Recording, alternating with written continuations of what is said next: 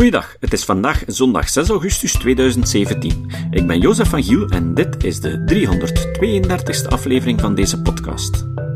Johan Braakman denkt dat verhalen vertellen onmisbaar is voor ons mens zijn. Hij legt uit waarom in een benefietlezing voor Rolling Stone. Rolling Stone is een VZW in Sint-Niklaas dat een doorgangswoning openstelt voor jongvolwassen vluchtelingen zodanig dat ze na hun legalisering van hieruit de mogelijkheid krijgen om gedurende zes maanden hun leven naar zelfstandigheid in onze maatschappij voor te bereiden.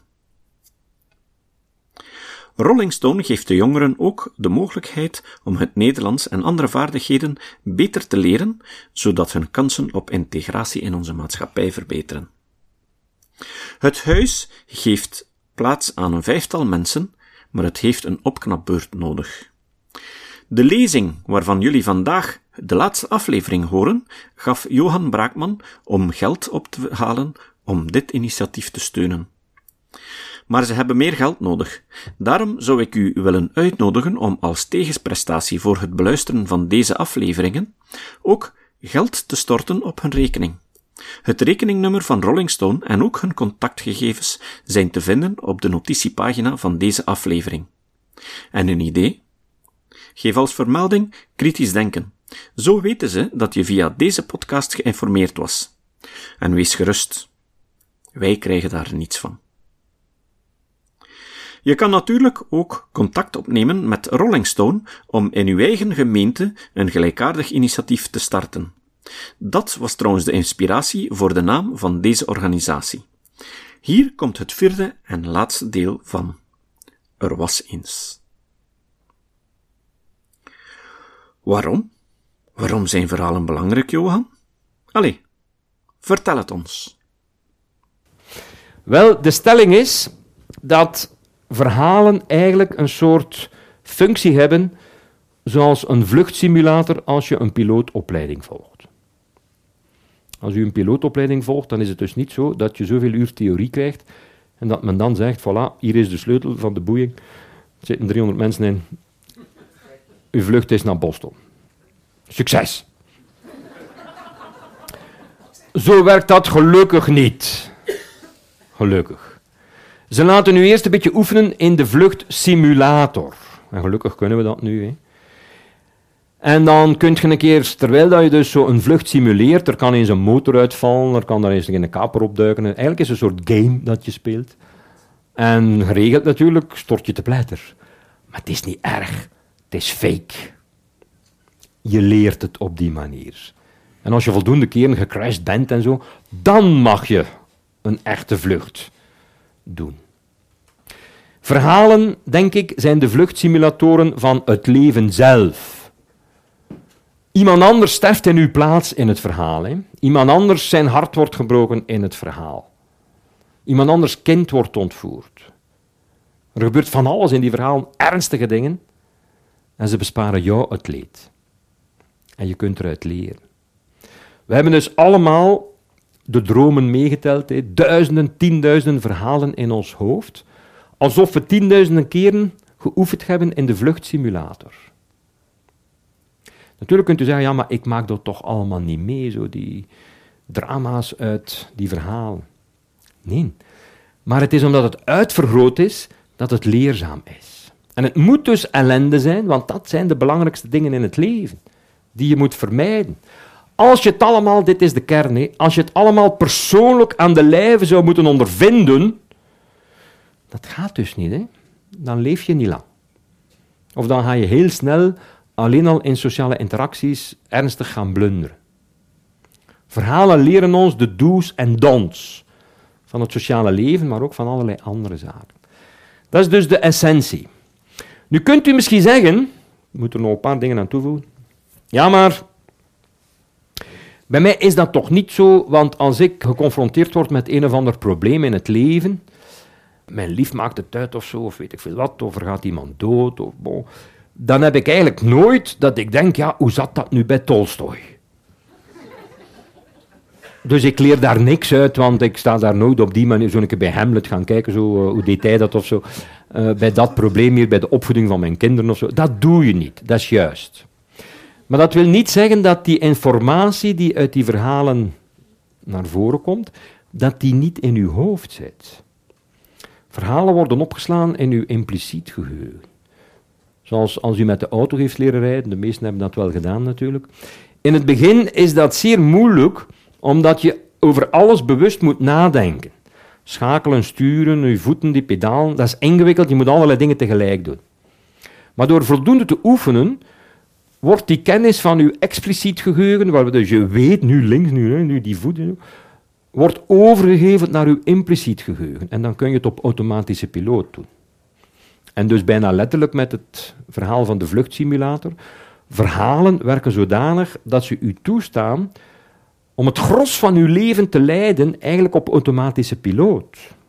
Want al die kennis zit reeds in uw hoofd, impliciet. Je moet je het niet bewust afvragen. Je leeft je leven dankzij de verhalen die je kent. Ook uw morele opvattingen, uw waarden en normen zijn daar ontzettend door gevoed en door gekleurd. Ik kan u allerlei morele probleempjes voorleggen en u zal daar onmiddellijk bedenkingen bij hebben. Waar komt dat vandaan? U heeft dat uit verhalen gehaald. Dromen, moet ik u nog even toelichten dus, zijn dus één onderdeel van dat gigantische proces van verhalen bedenken, consumeren, opnemen naar uw impliciet geheugen, doorvoeren en ze dan gebruiken in het echte leven. Dromen zijn meestal bizar en zijn vaak ook niet aangenaam, als u daar even over nadenkt. Het zijn rare dingen die je in dromen tegenkomt. Zelfs een droom waarvan je achteraf, oh, ik vond dat wel een toffe droom, is toch, er zit toch ook een, een hoek of een kant aan. De theorie van Freud, zoals u weet, is dat het eigenlijk verdrongen wensen zijn die naar boven komen, maar dat klopt zeker niet. Dit is helemaal niet waar onze dromen over gaan. Freud heeft dat ook maar bedacht op basis van enkele tientallen dromen. Eigenlijk de moeite niet. Maar ondertussen hebben wij droomonderzoeken waar honderdduizenden dromen geanalyseerd zijn. Dus dit wordt nu vandaag de dag echt wel grondig wetenschappelijk bestudeerd. En wat je dus vaststelt is dat dromen gaan over de zaken die in, ook in verhalen populair zijn. Uw brein genereert zelf kleine verhaaltjes waaruit je allerlei zaken kunt leren. En je wordt dus geparalyseerd, dat weet u terwijl u droomt. Omdat moest dat niet zo zijn, moest u niet verlamd zijn, dan zou u er naar handelen. En dat is niet goed, dat is gevaarlijk, want dan ga je misschien mensen aanvallen of weglopen en, enzovoort. Bij dieren is dat ook zo. Dieren dromen ook. Dieren vertellen geen verhalen zoals wij, want ze hebben taal niet. Maar ze bedenken ook wel alternatieve scenario's. Ze hebben ook een vluchtsimulatoren voor hun leven. En er is een wetenschapper die heeft het, het feit dat ook dieren geparalyseerd worden bij dromen, heeft dat kunnen uitschakelen. Waardoor dieren, als ze dromen, zijn proefdieren, dat wat ze dromen uitvoeren. Zoals wij ook zouden doen, moesten we niet geparalyseerd worden. En bij sommige mensen gebeurt dat trouwens. Hè, dat je ja, door een ongeluk of zo uitvoert wat je droomt. En dat kan gevaarlijk zijn, vrij letterlijk. Wat je dan ziet, is dat die dieren de dromen uitvoeren die passen in de theorie. Zij dromen over die dingen waarover je best op voorhand al eens oefent. Zoals bij de vluchtsimulator. Want dat is leerzaam. Je kunt niet alles aan de lijve ondervinden. Want dan leef je niet lang. Goed, ik ga afronden met nog een paar kleine bedenkingen. Er zijn mensen die zich zorgen maken over het einde van de roman. Er worden niet veel, zo, niet veel romans meer gelezen en verkocht en zo ja, ik weet eigenlijk niet eens goed of dat klopt, want uh, bijvoorbeeld jonge mensen hebben massaal de Harry Potter verhalen en de Twilight Zone verhalen gelezen en zo, met miljoenen tegelijk. Dus misschien valt het in zekere zin nog wel mee. Maar hoe dan ook, ja, de boekenwinkels vinden dat misschien niet zo tof, maar verhalen blijven wel bestaan. Romans zijn ook ja, ontstaan in de geschiedenis en dat zal misschien ook verdwijnen als format. Computergames kunnen dat overnemen. Wij kijken nu allemaal massaal naar series. Hè. Game of Thrones, dat weet ik veel allemaal. Ja, dat zijn de romans van onze tijd, voor een stuk. Waar je zoveel meer hebt. En games a fortiori, denk ik. Hè. Dus het is niet het einde van verhalen. Hè. We hebben nu films, we hebben series, we hebben games enzovoort. Of denk aan poëzie. Ja, poëzie verkoopt voor geen meter meer. Hè. Uh, men klaagt daarover. Ja, de, dichters vroeger waren ze ongelooflijk beroemd en, en populair. Nu niet meer. Dat is juist. Poëzie is niet populair in het oude format, maar poëzie is natuurlijk overgegaan in een nieuw format. En zo is het wel heel populair. Jonge mensen, maar wij ook, wij kennen duizenden gedichten die gezongen worden. Hè? Zet er muziek op op uw gedicht en het kan zijn dat het de wereld verovert. Het is gewoon een nieuw, een nieuw format. Hè? Er zijn vandaag de dag studies over rapmuziek en hip-hop poetry enzovoort. En door academici geschreven, en terecht denk ik. Dat is straatpoëzie die op muziek wordt gezet. En dat is bekend bij een miljoenenpubliek. Ja, dat is de poëzie van vandaag de dag die aanslaat. Vroeger was het Keats en Byron enzovoort. Maar nu zijn het die mensen. Kijk, Bob Dylan heeft zelfs een LP, Storyteller. Ik heb daar zo een tijdje moeten over nadenken wat ik nu vond van die Nobelprijs voor uh, literatuur voor Bob Dylan. Maar uiteindelijk heb ik me daar helemaal mee verzoend. Om de redenen die ik hier nu aangeef. Ja. Het kan zijn dat u het geen goede poëzie vindt, dat u het geen goede dichter vindt. Dat, dat is een andere vraag. Maar het is wel poëzie. Het zijn verhaaltjes. Het is een verhalenverteller. Die, die liedjes van Bob Dylan duren lang. Hè. Dat zijn mini-verhaaltjes die hij zingt. Dus in die zin past dat daar perfect in. Waarom zou literatuur iets moeten zijn dat niet mag gezongen worden of dat in dat format van de roman of, of de poëziebundel moet zitten? Eigenlijk is daar geen goed argument voor. Ja. Dat is een, een bedenking die een beetje losstaat van de rest van mijn verhaal. Dit tot slot dus. Geef ik u nog, nog één metafoor ter overweging. Wat u daar rechts ziet, kunt u misschien niet onmiddellijk eh, goed begrijpen, kan u zo dadelijk uitleggen. Maar ik heb nu tot nu toe over verhalen vrij neutraal gepraat. Hè. Maar verhalen beheersen ons ook. Dus dat zou die aliens denk ik ook opvallen. U kunt uzelf niet ontverhalen. Dat zit in u, dat bepaalt uw persoonlijkheid, uw identiteit. Er wordt veel over gepraat, hè. Maar uw identiteit is opgebouwd uit verhalen. Ik behoor tot die die vandaar komen en die dit geloven en die dit denken. En waar haalt u dat uit? Uit verhalen. Ja? Uit de films die u ziet, uit de verhalen die we uitwisselen. Noem maar. Het zijn allemaal verhalen. Verhalen kunnen ons tot hele positieve dingen aanzetten, maar achter genocides zitten ook verhalen. Die daar zijn de untermenschen en die bedreigen ons en die komen vandaar en die denken zo en die denken zo en het zou dus best zijn dat we ze elimineren. Het is door verhalen dat mensen gedreven worden tot de goede dingen, maar evengoed ook tot de allerslechtste dingen. Dus de studie van hoe verhalen werken is denk ik essentieel. Die mensen die naar Syrië trekken om daar moorden te plegen, zich laten opblazen, of, of, of mensen die zich hier opblazen, om nu een zeer actueel iets te nemen, die worden gedreven door verhalen. Verhalen die dus moeten gecounterd worden met andere verhalen, met betere verhalen. Je moet dat proberen te vervangen, die verhalen die hun aanzetten tot hun daden, tot verhalen die hen aanzetten tot, ja, tot betere dingen. Dus ik probeer ook niet te redeneren, redeneren over mensen alsof ze slechte mensen zijn of goede mensen zijn. Het, hangt af van de verhalen waardoor je geïnfiltreerd wordt, als het ware. En je moet daar in zekere zin een beetje sans in hebben. Want ook u kon op vier, vijfjarige leeftijd de verkeerde verhalen al gehoord hebben. Hè? En dan weet u niet wie u was geworden. Niet de persoon die u nu bent. Andere verhalen, andere mensen, andere identiteiten. De metafoor die ik gebruik voor voor dat punt ziet u dus hier, heel kort, wat u hier ziet, is de levenscyclus van een wormpje, de lancetworm. En dat is zoals een lintworm, maar die lancetworm is veel kleiner. Die moet dus in verschillende organismen geraken voor zijn reproductieve cyclus. De lancetworm die moet onder andere in een mier geraken. En van de mier moet hij in een schaap of een koe geraken. En uiteindelijk hij moet in een slak geraken enzovoort. Dus heeft een ingewikkeld leven, dat beestje. Maar waarom ik het nu vertel is het volgende, is omwille van dit. Als die lancetworm in een mier zit, dan zit hij meer specifiek in, het kopje van de mier, dus het is een heel klein wormpje. En dan doet hij die mier gedrag vertonen wat die mier normaal gezien absoluut niet vertoont. Een mier normaal gezien volgt zo nogal gedetermineerd de andere mieren, hè? door de pheromonen en zo. En bon, elk, elk miertje doet zijn ding. Hij is hypergeprogrammeerd, als het ware.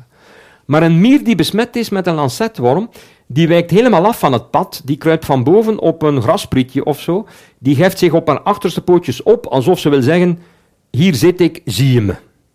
Dat vergroot dus de kans of het risico dat ze wordt opgegeten door een ander dier, door een schaap of een koe bijvoorbeeld. Vandaar dat men die mieren die dat doen ook de suicide ants noemt, de zelfdodingsmieren. Ze willen blijkbaar zelfmoord plegen. Als we nu aan reverse engineering doen van die mier, u weet wat dat is ondertussen, hè? Dus dan stellen we onze vraag, waarom doet die mier dat? Waarom wil die mier zo graag opgegeten worden door een koe? Is haar leven beu of zo? Is ze depressief of zo? Ja, dan begrijpt u, dan zit je op een fout denkspoor.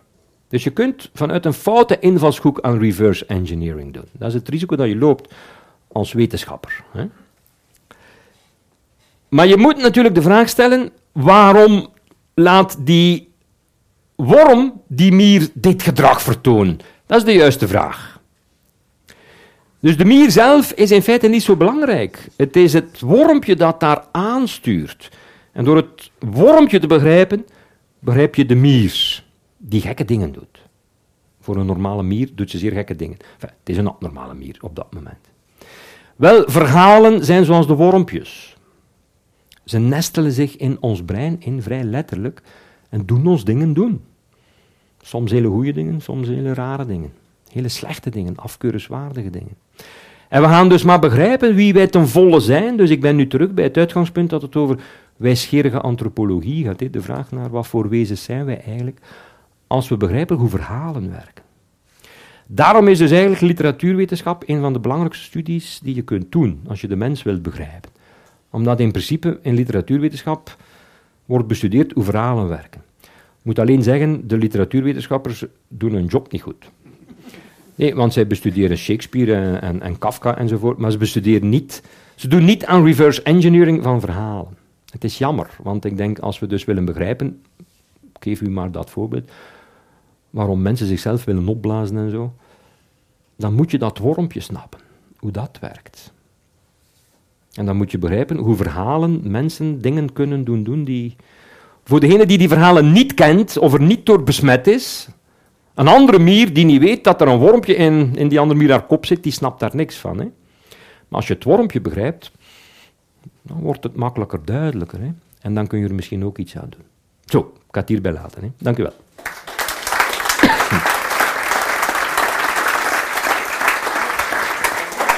Dank u wel. Zijn er mensen die iets willen vragen? Dat moet niet, hè, maar dat mag natuurlijk. Zelfs op een benefiet. Hè. Geert? Ja, ik wil eigenlijk geen, van het geval van welke zin en waarom weet ik eigenlijk als iedereen in principe dat mensen uh, wetenschappers, filosofen, uh, politici zich eigenlijk bezighouden met het instandhouden van verlichting en, en de, de, wetenschap en de waarheid als, uh, als waarheid zien. En waarom dat het postmodernisme geen plaats heeft in, in, in onze maatschappij. Goh, ik zou mij moeten afvragen of het klopt, hè, omdat het postmodernisme in de betekenis van het, uh, het betwijfelen van absolute waarheden enzovoort, leeft toch ook sterk. Het wordt veel misbruikt. Dat kan. Maar ik denk dat het postmodernisme heeft ook schadelijke kanten waarschijnlijk. Hè. Uh, heeft dingen ondergraven die, die we beter wel in stand hadden gehouden. Maar als de reden ook heeft. Natuurlijk, natuurlijk. Maar ik denk dat het toch ook voor effect gehad heeft, op een goede manier geïnterpreteerd, dat we geleerd hebben dat het niet opgaat om te denken dat we de waarheid in pacht hebben. Hè? Of dat we als mensen gaan. Uh, de waarheid bestaat dus niet. Dus eigenlijk. Eigenlijk dat was eigenlijk het verhaal. Dat was mijn verhaal. En ik zou er zelfs aan toevoegen, mijn slot hier. Mensen die dus zeer radicale daden doen, doen dat uit een soort absolute zekerheid. Hè? Ik bedoel, als je denkt dat je dat kan doen, dat je een soort legitimatie daarvoor hebt, dan moet je wel heel zeker van je stuk zijn. Uh, dus, dus wat dat betreft, die mensen hebben een beetje meer postmodernistische verhalen nodig. Ja?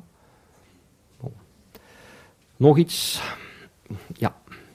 Ik heb ook een vraag. Um, de verhalenvertellers in een uh, gemeenschap of de schrijvers die de boeken schrijven, um, hebben die dan in hun hersen of in hun brein of uh, heb je dan iets speciaals of, of zijn die dan meer gestimuleerd of, of hoe komt het dat ja, sommige mensen toch echt supergoeie verhalenvertellers zijn of daarmee bezig zijn, professioneel en anderen minder. Ja, dat weet ik natuurlijk niet. Ik kan me wel voorstellen dat we later, als onze fMRI-scanners en zo meer geperfectioneerd worden, dat je misschien wel zal merken dat de plaats in hun hoofd waar verhalen gegenereerd worden, ik heb daarover gesproken, voor zover we daar al iets van af weten, dat dat misschien meer bedraad is, laat ons zeggen, dat er misschien meer neuronen samengeclusterd zijn dan bij andere mensen dat zou kunnen.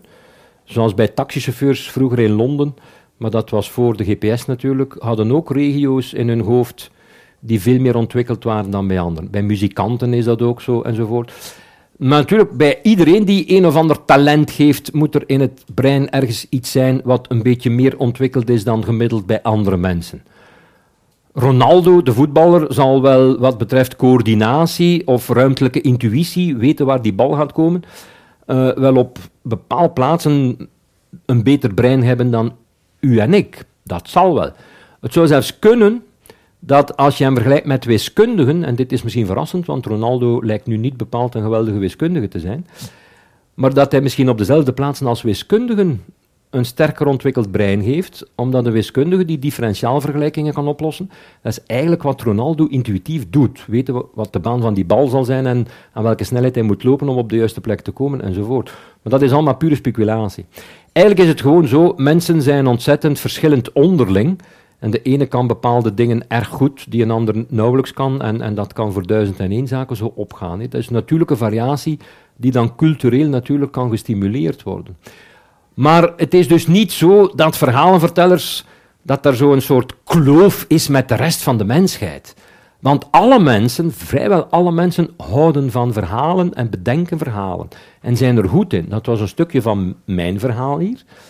Maar diegenen die er hun beroep van maken, ja, die, die zetten een paar stappen verder. Hè. En moeten ook weten wat soort verhalen andere mensen willen horen, want anders ben je geen goede verhalenverteller. Hè. Dus ik, ja, het, het, is een bijzonder vermogen, maar het is een menselijk vermogen. Het is niet iets. Ja. Je wil toch zeggen, hoe meer verhalen je creëert, hoe sterker je als mens staat, hoe meer bescherming. Ja, dat is een goede vraag. Dat, dat weet ik natuurlijk niet zeker, maar het is wel een hypothese die ik zou verdedigen dat je er, er, dus goed aan doet om je met zoveel mogelijk verhalen te confronteren of, of in jou op te nemen. Confronteren klinkt negatief. Gewoon veel boeken lezen, veel verhalen, veel films. Uh, laat uw kinderen van alles en nog wat lezen en laat hen games spelen enzovoort. Dat, uh, de hypothese is dat dat beter is. Kijk, uh, ik ga het nu een beetje kort op de bocht zeggen natuurlijk, hè, maar als je maar gelooft in één boek, hè, je weet wat ik bedoel, dan ontstaan er problemen. ja, maar bon, ja. Ja. Ik moest voortdurend tijdens uw lezing eigenlijk denken aan het boek Sapiens van Harari, die het eigenlijk nog een stap verder brengt. Die, die spreekt eigenlijk over dat onze wereld echt beheerst wordt door verhalen. En een van de voorbeelden dat hij geeft is uh, dat geld eigenlijk ook niet meer dan een verhaal is. Geld is iets virtueel, maar het wordt beheerst door onze, onze economie. Ja. ja, dat is zo. Geld is een verhaal. Het is een symbolisch iets, iets wat maar een flauw soort realiteitswaarde geeft. Hè. Ik weet niet of, hij, of Harari dat verhaal doet, maar van die cultuur ergens op een of ander eiland in de Pacific. Die hebben geen geld, maar ze hebben wel geld, maar niet zoals wij dat kennen, maar stukken rots die zij gebruiken. En die rotsen symboliseren hun waarde. Als ik veel geld heb in de zin van briefjes en muntstukken, ben ik rijk. Als zij veel rotsen hebben, zijn zij rijk. Dus, dus het is ook, dit is hun verhaal om ruilhandel mogelijk te maken. En uh, er zijn een aantal hele rijke mensen in, uh, in die gemeenschap. Maar die zijn zo rijk dat ze dus hele grote rotsen hebben, die kunnen eigenlijk niet verhandeld worden. En ze kunnen ze ook niet tonen, want ze liggen in de zee. Dat zijn de rijkste mensen van het dorp. Die dus geld hebben dat niet zichtbaar is. als de zee diep is in een zekere zin. Maar bij ons is dat ook zo. Geld op de bank, op de beurs, is ook een soort, ja... Dat zijn verhalen. En zolang je erin gelooft, ja, doen ze hun job, maar dat kan ook snel doorprikt worden. Ja. Willen we het hierbij laten en nog iets drinken en dan verder vertellen? Is dat goed? We gaan verder vertellen. Ja. Of, of, ja. Schilderkunst en beeldkunst. Ja, neem ik er eigenlijk ook in op. Hè. Ja, het is een goed punt. Uh, eigenlijk, eigenlijk, ja, de vraag waarom wij verhalen vertellen, is eigenlijk op zich een subvraag van waarom wij fictie creëren. Fictie ook in zin van kunst, waarom de grot van Altamira en Lascaux beschilderd is. Dat is kunst, maar het zijn ook verhalen. Ik kan mij voorstellen dat die mensen die dat toen kenden, het verhaal snapten. Wij minder, hè, we zijn dat kwijt. Ja, over 20.000 jaar, als er nog kathedralen zijn, maar stel dat het christendom verdwenen is, en je komt in een kathedraal binnen, snap je daar ook niks van, hè, van een glasraam en zo. Uh, bon. Wij snappen Lascaux en Altamira niet. Maar het zijn ook verhalen. Kunst vertelt verhalen. Dus eigenlijk is mijn vraag een onderdeel van, van jouw nog veel bredere vraag. Ja. Goed? Oké. Dank u.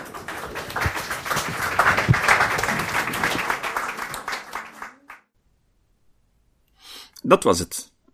Niet vergeten om een donatie te doen voor Rolling Stone. Het citaat. Het citaat van vandaag is van Muriel Rukeyser. Rukeyser was een dichtster en vrouwenactiviste. Rukeyser zei: Het universum is gemaakt van verhalen, niet atomen. Tot de volgende keer. Deze podcast is het resultaat van het werk van veel mensen. Rick de Laat verbetert bijna al mijn teksten en maakt de meeste vertalingen. Emiel Dingemans verzorgt onze website en Facebookpagina. Ook Leon Korteweg en Stefan Sutens schrijven, vertalen of verbeteren soms artikelen.